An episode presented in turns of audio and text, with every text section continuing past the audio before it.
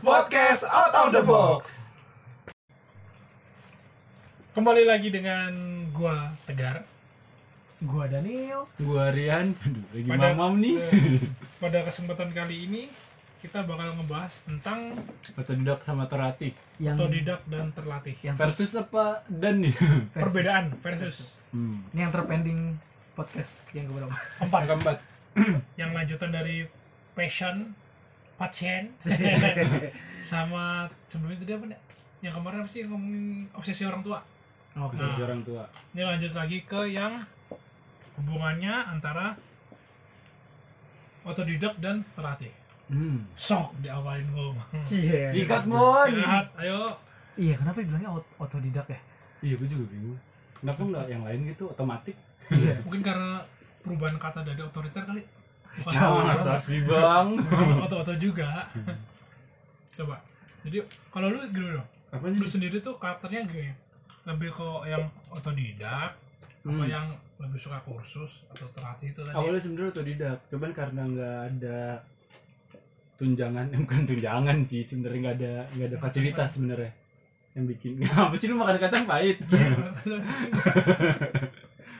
sebenarnya awalnya tuh gue otodidak gue seneng banget nge-explore ini itu segala macem nah cuman karena keterbatasan fasilitas lama-lama dipendem dipendem baru bisa baru-baru ini nih jadi akhirnya entar ke kursus jadi terlatih Berarti nggak jadi nggak otodidak lagi dong? nah gue juga bingung itu jat- jatuhnya tuh gue lebih ke gimana sih Tapi kan dari du, dari awal sebelum ter Pelatih. terlatih dia udah bisa berarti kan? Heeh. tapi kan Kalau dipendem Kalau gue sendiri gue lebih ke otodidak. Otodidak, ih, otodidak apa nih? Otodidak pokoknya. Coy, coy, Coy. Nggak pakai L. Coji, coji. Kalau pakai jadi apa? Coy. Loci. katrok katrok Jadi lu banget bercandaan lu. Bu. tahu ih lu tua tua banget sih gue paling muda coy Biji. tapi beda bulan kita jauh Kalau gue lebih ke otodidak. Karena mungkin gue kan dari dari desa tuh. Dari Kenapa sih desa dibawa mulu gitu nyu? Biar ada compare-nya. Nggak Jadi, usah gitu juga. tahu apa-apa, gitu, Kan berbangga, apa-apa. berbangga dengan Hmm. tempat lahir loh. Iya, Nah, nggak iya. apa-apa. Cuma jadinya kayak jadi gimana gitu. Udah kudu gitu. Kayak sedih anjing. Nah, yang di TV aja gitu nyo. Ratingnya naik Ratingnya- gitu. Ratingnya naik. Gara-gara ngomong desa, Desa ngomong sedih-sedih. desa sedih ya kan. Jadi otodidaknya Oh iya. apa? Sedihnya karena tadi kalau Rian kan fasilitas, tapi sekarang dia udah punya. Hmm. Bukan gitu dong. Tadinya gue tadi otodidak, nggak cuman kan ketahan karena fasilitasnya kagak bikin. Kan sekarang udah punya. Enggak, karena ada yang karena gue difasilitasin sama kantor yang dulu, jadinya gue terlatih. Nah, Berarti jadi otodidak kasar- lu kan terlatih lu kan baru-baru ini. Berarti. berantem lah kalian lah. Seru kan tapi. Iya, emang ini. Kalau buat gue emang dari dulu otodidak, Bung. Karena emang Otodidak kan gue tanya otodidak apa bro? otodidak apa nih maksudnya nih? Ih, kan dia nanya lu nanya lagi. Otodidaknya apaan Oh. otodidak? Gue otodidaknya kalau ini skill-skill. Invoice. Kayak misalnya nih Coli. main gitar. Oh iya. main gitar kan daripada gue kursus mending gue belajar sendiri. sendiri dari kalau dulu sih belum ada YouTube kali ya belum ada internet Sendiri Jadi, sendiri ya. Tetangga beli buku gue yang ingat dulu tuh Majalah kali. Dia majalah. buku buku kecil Buku apa? dulu Buku dulu pramuka ada, anjing. ada- jadi dulu tuh kalau di sono tuh ada abang mau jual buku-buku lagu buku-buku lagu hits 70 lagu hits Oh, yang ada kunci-kuncinya ya? ada kunci-kuncinya kunci L kunci pas Waduh, jadi bohong, jadi maling dong. makanya. ada dulu jadi karena emang terbatasan sama apa namanya fasilitas juga jadi itu sih Beda-beda ya. beda-beda Kalau- sendiri Kalau gue otodidaknya nyanyi, abis itu baca partitur nada. Nah Baca partitur nada aja emang bener usaha sendiri. Terus emang ter- emang suka kan? Hmm. Karena kenapa kok bentuk partitur nadanya gini-gini ya? ya? Oh, Berarti kita tuh beda-beda ya? Beda-beda. Maksudnya sama-sama di dunia seni cuman beda-beda gitu partnya. Lu lebih ke alat musik, musik alat musik kalau si Ambon Iki Dani lu kok kebalik. itu lu sih anjing banget lebih nyanyi aja. hmm. Kenapa kita nggak dijadiin grup band aja sih ngapain bikin podcast ini? belum belum. Nah. terus terus terus terus men. Sembari lu ngobrol gue browsing gitu. pinter Otodidak itu ternyata dari bahasa Yunani. Hmm. Artinya aut eh bahasa Yunani bacanya autodidaktos. Apa tuh autodidaktos artinya dalam bahasa Indonesia belajar sendiri. Hmm. Berarti emang belajar sendiri sih ya emang sih. Hmm. Beda sama apa terlatih ya. Terlatih dia emang oh iya sih beda sih. Kalau terlatih kan lu kayak cenderung diarahin. diarahin terus lu suruh masuk les suruh les. Hmm. berarti itu lagi balik lagi ke passion ke ke passion. Iya. Passion passion sama obsesi orang tua. cuman ini bedanya lebih ke spesifik ah, skill. lebih ke ya misalnya iya, lu iya. otodidaknya lu kayak itu loh lu suka ngedesain. Tapi orang tua lu masukinnya ke desainnya desain baju pakaian. Hmm. beda. Baju renang. Iya dong. Gue demen banget yang begitu begitu iya Terus, eh, beda sih beda sih. Tapi lebih berarti lebih ke personal gitu lebih Iya. spesifik lagi ya? lebih ke ini sih kayak ada tuh yang nyanyi terlatih tapi Hmm. emang ada born kan ada itu uh, iya. born to become a to- singer. Ah. Dia Hmm. emang lu terakhir emang buat nyanyi. Iya benar. Nah tapi lu ada nyanyi emang terlatih. Hmm. oh itu emang beda sih kalau Berarti lihat bakat- audisi audisi. bakat bukan? Bakat sih jatuhnya bakat jatuhnya. Yang mana yang bakat. Ya, tadi Yang- born to born to singer Born- tapi born to dia a nggak tidak memutuskan untuk ngelatih. Terlatih. Jadi dilatih dia cuman kayak ibaratnya ibaratnya udah ada emas nih. Hmm. ya lu tinggal dipoles aja ngebentuknya yang penting tetap jadi emas berharga kan. Hmm. bedanya sama yang terlatih. Terlatih kan berarti masih dalam gundukan nih. Lu masih batu nih. Lu Hmm. jadi emas. Maksa ya? Maksa. Ya bisa Susah. tapi susah. Susah. Oh proses Ibaratnya- lagi ibaratnya ya? batu sekepel nih dijadiin emas paling jadinya kecil kan. Tapi kalau misalnya emas ketutupan batu yang sekepel gimana batu. sih kalau otodidak maksudnya kalau misalnya Hmm. dari kecil udah punya bakat iya iya paham lebih lebih gampang Hmm. gitu kan? Itu sih. Iya sih bener-bener ya kan? Tapi jatuhnya itu eh, ke pilihan pribadi bukan sih bu? Iya kan tadi dia maunya apa kan? Kalau dia mau ngelatih ini ya udah. Tapi kan ada yang kalau yang gue lihat anak-anak sekarang ya Hmm. dia pengen eh bukan dia pengen apa anak eh, orang tuanya balik lagi tuh ke obsesi. Ya orang tua. An- orang anaknya masukin ke dia les apa gitu padahal dia sebenarnya nggak mau. Hmm, Hmm. banyak sih kayak gitu ya. Tapi dia terlatih untuk itu kan. Gitu. Terus ada lagi yang emang dari kecil dia mau itu anaknya terserah mau ik- ikutin aja gitu. Berarti terlatih di sini tuh konteksnya kudu jelasin maksudnya terlatih di situ secara resmi ya maksudnya masuk ke suatu apa, dapat badan. sertifikat gitu oh, kok kayak ke, ke apa Hmm. bukan bener-bener cuma terlatih gua belajar sama lu berarti gua Hmm. terlatih enggak gitu maksudnya bener-bener yang masuk ke suatu apa ya istilahnya program gitu iya Hmm. ya kan ada soalnya suatu tempat yayasan kayak gitu gitulah Hmm, gitu. gitulah. ada kayak sahabat gua itu udah terlatih buat ngedesain Hmm. ya emang gambar itu bagus banget jadi Hmm. dari SD dari TK gua kan emang sahabatan dari SD ya Hmm. SD, SD aja itu dia udah peka sama gradasi warna Hmm. itu masih SD loh ibaratnya belum tahu gradasi warna yang tepat warna Hmm. apa tapi dia udah tahu gradasi warna dan emang dia nge-explore semua dan Hmm. dia browsing browsing karena banyak teorinya juga tuh buat warna iya, ya. gradasi warna sedangkan orang yang baru ngambil kuliah Hmm. di desain grafis dia Baru baru kelar tuh grada eh baru baru kenal tuh Ah. gradasi warna dia suka gambar doodling doodling tapi dia nggak tahu kalau ternyata ada itunya juga oh kayak kriteria kriterianya gitu Nah, Iya. terus kalau misalnya lu lihat di adu bakat juga kan ada tuh dia sebenarnya nggak usah apa dia nggak pernah belajar dia nggak Ah. pernah belajar les vokal nggak pernah. ah iya tapi suaranya bagus banget Hmm. halus kayak unik. gue sih gue pernah belajar tuh Unik. jadi Hmm. kayak misalnya musik nyanyi nih nyanyi bukan alat musik gue tahu ini ketukan ini ini ini tapi gue nggak tahu istilah dalam kuncinya bukan kunci istilah dalam bahasa nada bahasa pelajar bahasa, bahasa resminya Hmm. kan kalau misalnya ada ketukan 4 per 4 tuh kayak gini Ya, ada ketukan eh, oh. atau apa segala macam ya nggak tahu karena kan otodidak kan hmm. jadi benar-benar cuma via apa ya via imajinasi oh ini Hmm. ketukan ini dari rasa kayak main drum kan kayak gitu Hmm. pas sempat nanya sama orang yang udah terlatih oh ini namanya ini ini ini dan kayaknya gak gak mampu ngikutin karena terlalu apa terlalu textbook banget gitu. Hmm. nah, mungkin bedanya di situ juga kali ya maksudnya Iya. orang yang cara belajarnya sih. cara belajarnya juga gaya belajarnya lebih suka mengeksplor sih kalau orang otodidak sih. Hmm. kalau gue bilang sih tapi nggak tahu juga. Kalau lu gimana? Kalau misalnya si orang otodidak ini terus terlatih jatuhnya lebih gokil lagi dong. lebih gokil lagi. Iya makanya jadi udah kombinasi dong.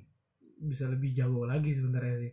Lebih tajam lagi ya. Iya Karena- karena dia nggak karena- perlu habisin Dari waktu buat lagi. nyari-nyari lagi nyo karena dia udah tahu sebelumnya udah tahu cuma nggak tahu istilahnya nih apa sih dia ibaratnya udah punya basicnya nih Ah. begitu dikasih basic ya udah lang langsung jalan aja ibaratnya kalau lagi nyetir mobil tiba-tiba udah langsung jalannya langsung ngebut anjing Ibaratnya pisau perlu ya lu udah pelan-pelan udah lagi. udah dikasih pisau nih cuma belum tajam aja iya ya bisa buat motong cuma agak susah iya tinggal diasah doang kayak gitu Hmm. Berarti lebih kacau lagi ya. Terus kalau lagi. misalnya lebih ke dunia kerjaan, itu lebih gimana bun?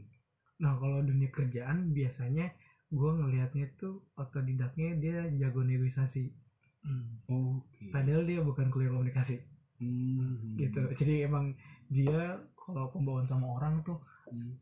jadi adem terus jadi tenang jadi bisa tahu maksudnya klien apa terus Oh, tahu oke. maksudnya orang apa Hmm. tapi pas dia melihat lah dia belajarnya sastra Rusia oh jauh jadinya jauh jadi ibaratnya terus ditanya lu terlatih terlatih nggak?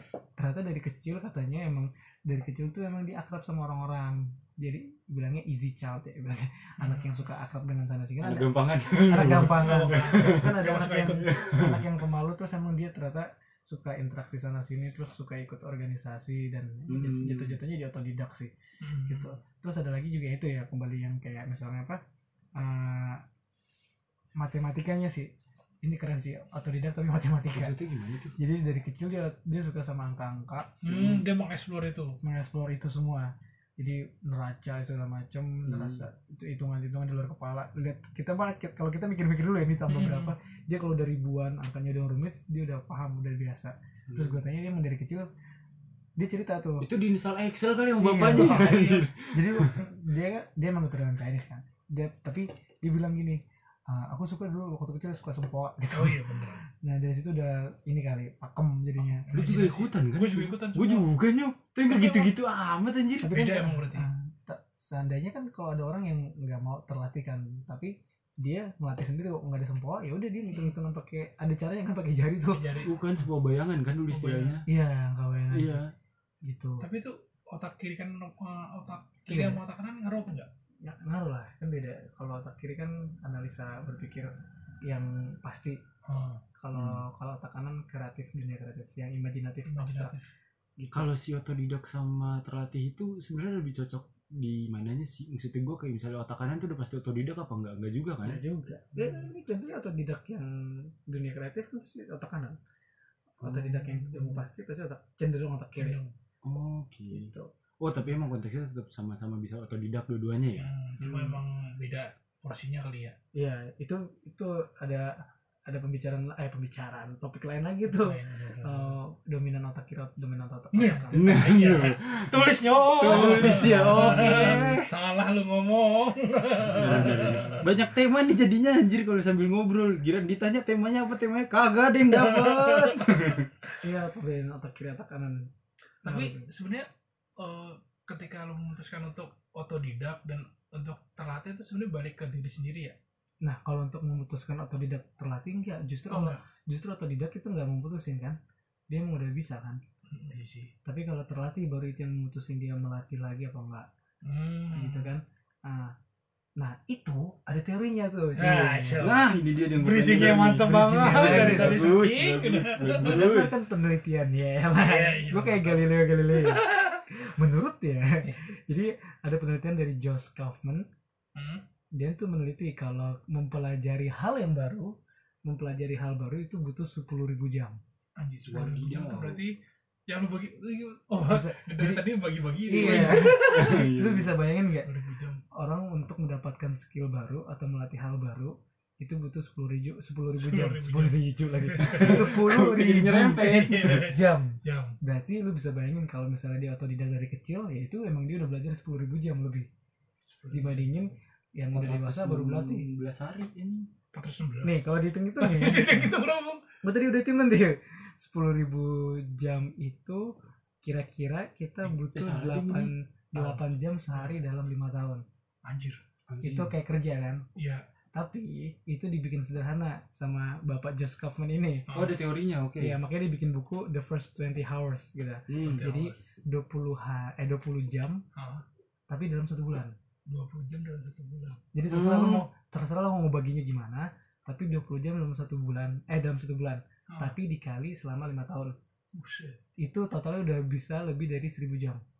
Wah anjir Pusing tetap 20 mata jam per ya. hari gimana lebih dari 10.000 coy? jam gitu. Jadi enggak dia sebulan sebulan dua puluh jam yo oh sebulan 20 jam? Iya bu ya? Ya pokoknya sebulan. 20 jam tapi lu baginya terserah. Oh oke. Gue pikir sehari 20 jam aja sisa 4 jam. iya. Gue tidur doang. Iya karena itu eh, otak manusia nggak bisa dijejelin terus kan? Iya. Karena di eh, beliau bilang kalau kita menerapkan 8 jam sehari untuk belajar tanpa berhenti selama Hmm. lima tahun itu manusia atau robot gitu kan. Oh iya benar. Tapi kita bikin Josh Kaufman beliau Mudah. bikin pokoknya 20 jam dalam satu bulan terserah. Tapi dilakukan selama lima tahun. Bentar bentar gue mau nanya. Itu kalau misalnya idealnya itu orang belajar tuh se- sehari itu berapa jam sih sebenarnya? Empat jam kan? Lebih dari empat jam udah nggak konsentrasi. Itu empat jam benar-benar full belajar atau ada Full, istirahatnya? Ada istirahat satu jam. Eh istirahat paling 15 menit lah. Oh oke. Gitu kan makanya kalau lagi kuliah sebenarnya Hmm. empat idealnya adalah cuma dua mata kuliah doang hmm. dua mata kuliah itu maksudnya dalam tapi satu nama SKS aja Iya, SKS makanya satu SKS kan satu mata kuliah tiga jam tiga jam Hmm. nah tapi kan ada istirahat satu jam jadi nggak gitu nah tapi kalau itu buat orang dewasa kan Iya. tapi kalau anak kecil beda lagi TK lebih lebih, lebih kecil lebih kecil lagi Kecil lagi. gitu Berarti ketika lu belajar apa misalnya keahlian baru butuh waktu untuk lima tahun. Betul. Kurang lebih kan perhitungannya kayak gitu. Iya, anjir. tapi lu buat bener-bener jadi masternya di Iya, situ lu kan? lakukan konstan berarti 20 jam dalam satu bulan. 20 jam dalam satu bulan kurang lebih satu minggu lu harus latihan 8 jam. Buset sama aja. satu minggu dalam satu minggu.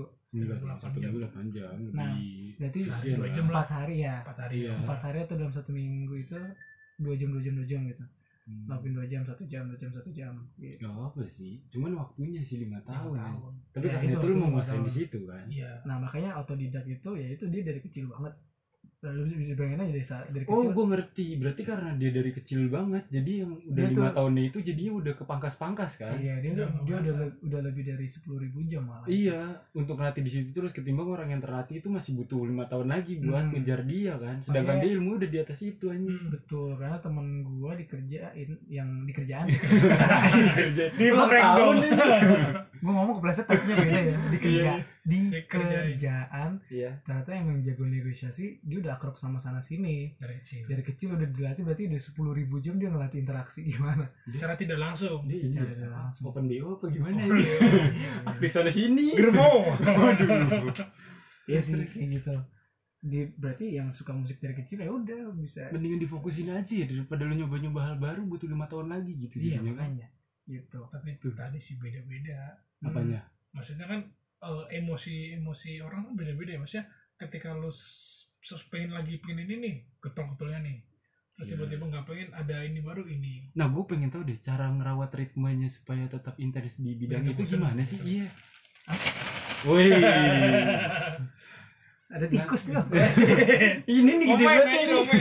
Iki. jaga ritme ya itu ya itu lagi kembali lagi urusan Passion sama passion. ur- bukan urusan urusan urusan orang itu mau gimana ngaturnya Bukan, ini di luar ortu kan umuran kita udah nggak diatur lagi sama ortu kan. Iya, Udah ini mereka Hmm. ngaturnya gimana gitu tapi kan itu kembali lagi tuh yang dibagi-bagi lagi tuh berarti satu hari dua jam cukup sebenarnya Hmm, gitu. Enggak maksudnya gue takutnya tuh ya lu tahu kan. ya kan 24 jam Gak usah orang kita deh gua gitu. Gue biasanya kan suka kayak misalnya oh ini hal baru nih paling cuma tiga hari pertama atau seminggu pertama doang selebihnya tuh kayak aduh hal Oh, baru lagi itu apa Lu ya doang kayaknya. itu itu serius doang. gila doang sih tapi banyak yang punya case kayak gua Nah, lu doang. Eh, banyak doang. anjir Lu doang. itu. maksudnya gue supaya ngejaga ritmenya supaya dia tetap di situ terus dulu gitu sampai Hmm. benar-benar nguasain banget tuh gimana sih ada ada tips and triknya nggak sih Ya kalau menurut gue sih lu harus punya target bahasanya target aja target terus maksudnya ketika kayak gue nih misalnya belajar. Pengen. Telanjang nih. Target. aja. Target nih misalnya kayak gue belajar tentang fotografi gitu. Targetnya kalau gue sih dari dasar-dasarnya dulu misalnya ya belajar emang pasti. roll of third atau segala macam kalau Iya, udah bisa tahu. naik lagi ke apa ke apa ke apa sampai udah pokoknya tetap ada target gitu loh nyok. Iya cuman masalahnya ini yang gue hadepin sekarang adalah ketika gue lagi otodidak nih gue tuh bingung maksudnya ini harus dari sini nih step Ah. yang selanjutnya tuh apa ya nah sebenarnya itu pakai latihan kan Nah. terlatih cel kalau misalnya otodidak doang jadi kayak ke sana kemari dong Lu jadi kudu ini susunan berarti- tangganya nggak ses apa nggak nggak rapi anjir maksud gue Enggak maksudnya lu berarti kudu mulai lari ke sesuatu yang punya tanggung jawab lebih gede. Maksudnya kayak misalnya gue fotografi, gue mencoba buat bisa gak sih dari foto gue ini menghasilkan duit? Misalnya ikut Bisa. lomba atau segala macam. Kan itu Ikut. lu jadi jadi ikut apa lebih Mungkin kayak jadi benefitnya. Trigger lu kan. Oh. benefitnya dari terlatih.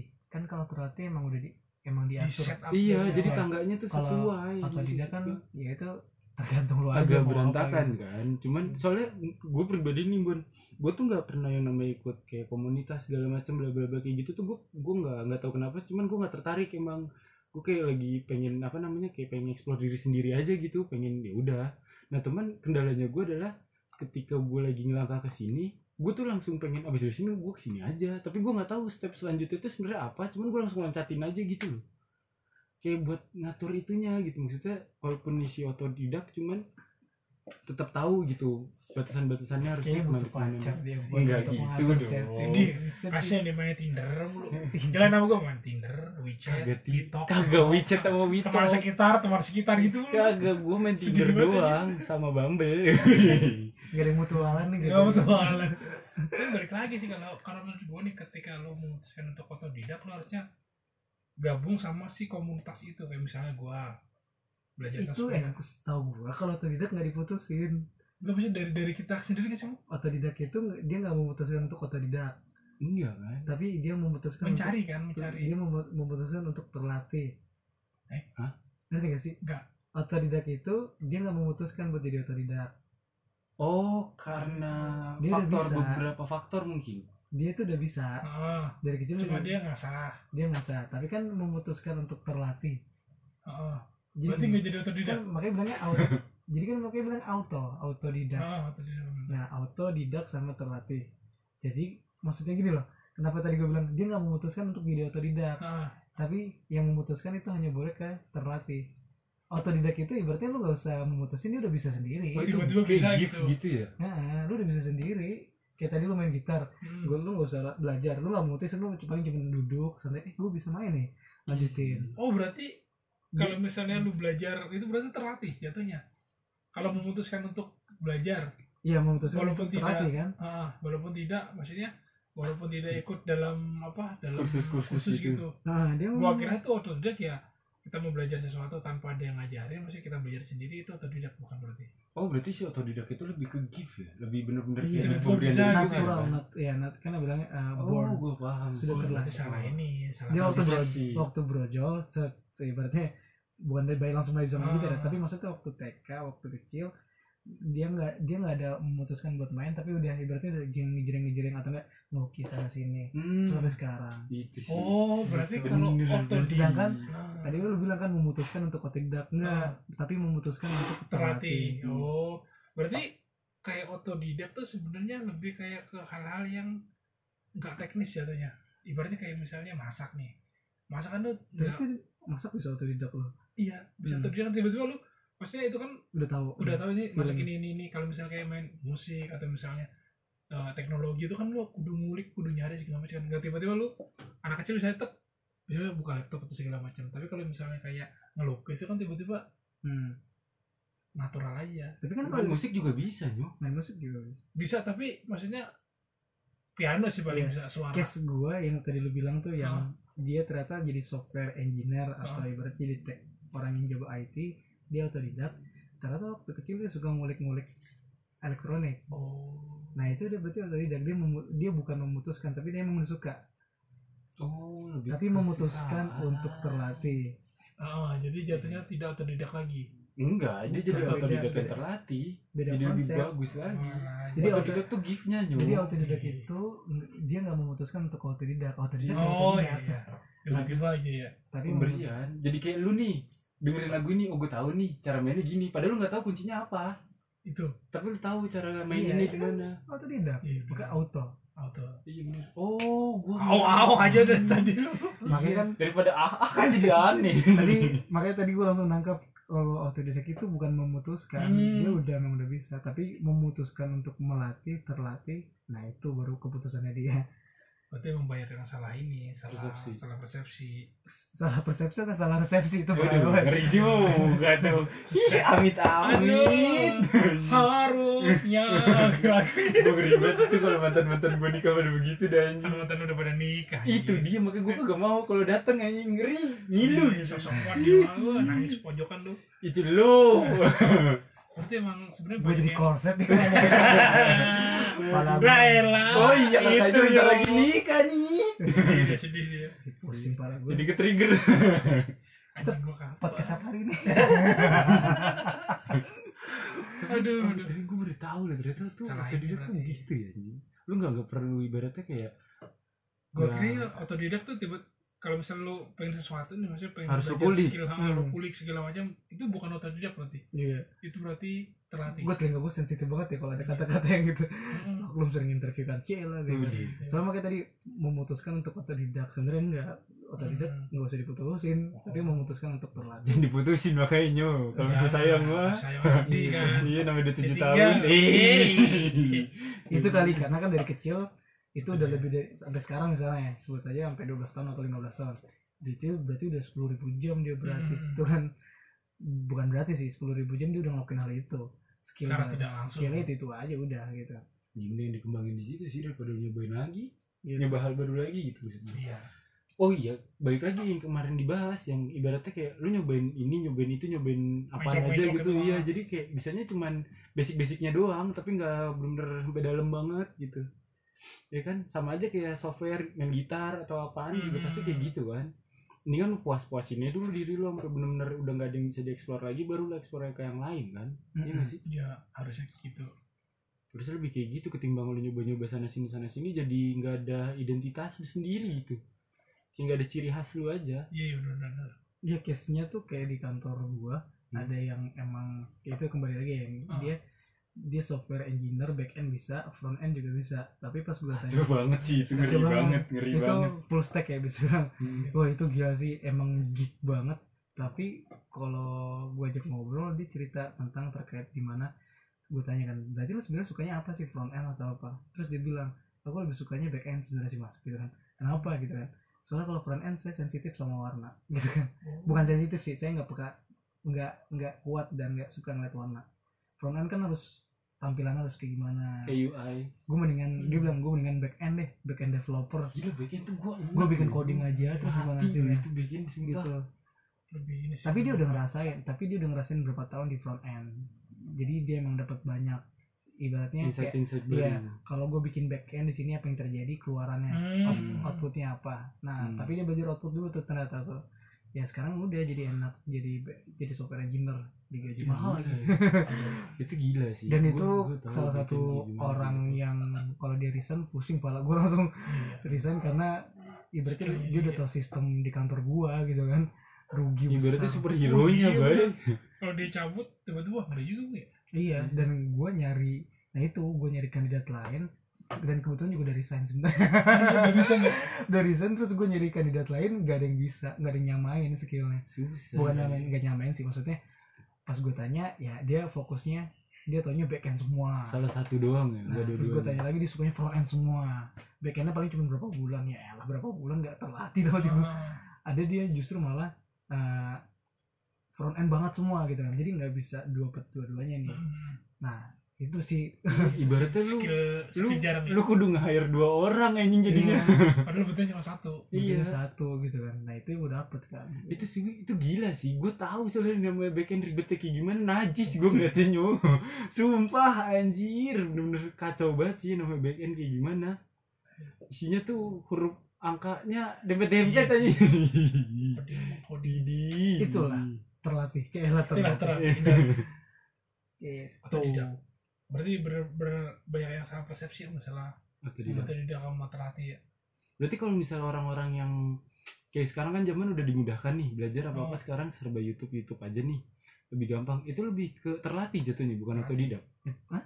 jatuhnya terlatih otodidak Ini terlatih dia pasti. terlatih iya? Hmm. otodidak tuh kayak tadi yo Iya, dia bener-bener dari gitu. kecil tiba-tiba udah bisa aja loh iya tapi kalau software kan nggak bisa gitu nyo terlatih software tuh mungkin karena misalnya nih anak kecil misalnya orang tuanya punya laptop tuh segala macam dia nggak tahu nih cara gimana cara Nah dia udah Ngulik. ngulik, sendiri. ngulik segala macam gitu Nah itu udah Baru. otodidak tuh kayak gitu tuh. Kalau terlatih kan pas- dia pasti nyari kuliah dulu, eh, bukan kuliah dulu sih. searching Dia research, benar-benar research macam. gitu Research terus uh, nyari pelatihan terus Hmm. nyanyi. Ya, ibaratnya dia kuliah deh. Sedangkan yang gua res gua waktu yang kalian gue yang kayak gitu tuh bisa so, bisa back end bisa front end dia udah kuliah drop off. DO. anjing Di DO. Di drop off lagi. Drop out, drop off. Drop. Lobby. drop Iya. out di DO Drop out. di kuliahannya. anjir gue Gimana? gue juga pengen aja sebenarnya orang yang kuliah itu pengaruh nggak sih sebenarnya pengaruh lah Pengaruh lah. pengaruh tetap nah itu yang di drop out sama kuliahnya tapi jago anjing Nah kan itu beda Hah? beda beda ini beda case maksudnya beda dari people-nya juga definisi dari buat kuliah itu kan mempertajam skill yang dia punya. Iya sih. cuman di Indonesia Hmm. unik sih dia belajar apa dia kuliahnya ke mana ngambil kerjanya apa gitu kan Hmm, Sebe- iya. ya sebenarnya kuliah itu dia adalah tujuannya adalah mempertajam apa yang dia pinginin gitu kan gitu Berarti kasihan juga kalau misalnya disuruh-suruh kayak gitu. Balik lagi ke case asuh. iya Ya, Ingat. iya kan? Oh, Ingat. sabar Sabar. Ya kan? Sama pola asuh orang tua juga. Pusing lagi kan saling keterkaitan berarti emang Iya bener. Deh, unggus dah. Bungkus. Bungkus.